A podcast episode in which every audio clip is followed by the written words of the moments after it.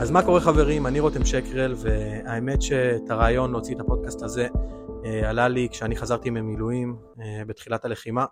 אה, בגדול יש לי את הפודקאסט שלי, ניצחו את הרשת שפועלים בו ביום יום, וכשהתחילה הלחימה אני קפצתי למילואים, חוויתי קצת את המלחמה הזאת מתוך המערך הצבאי ואחר כך מתוך המערך האזרחי, והתחלתי לראות הרבה מאוד נקודות שהיה לי קצת חשוב לדבר עליהן, ובעיקר לתרום קצת מהמקום שלנו, מהחלק שלנו.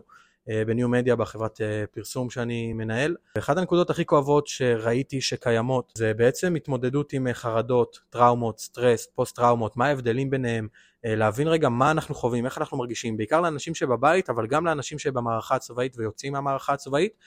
וזאת הסיבה שיצרנו את, ה, את סדרת הפודקאסטים הזאת, ארבעה פרקים ממוקדים בכל הנושא הזה שיכולים קצת לתת זווית אחרת של הסתכלות, קצת לפתוח את הראש, או אולי אפילו להתחיל איזשהו מסע פנימי של טיפול בכל אחד ממי שישמע את הפרקים האלו.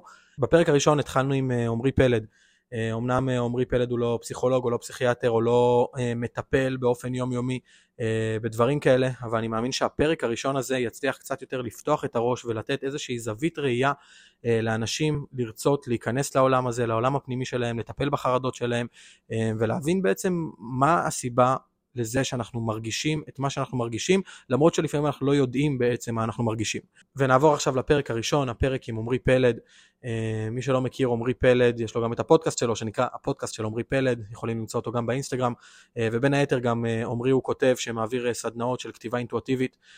אני מקווה שתהנו מהפרק והפרק יהיה לכם לערך.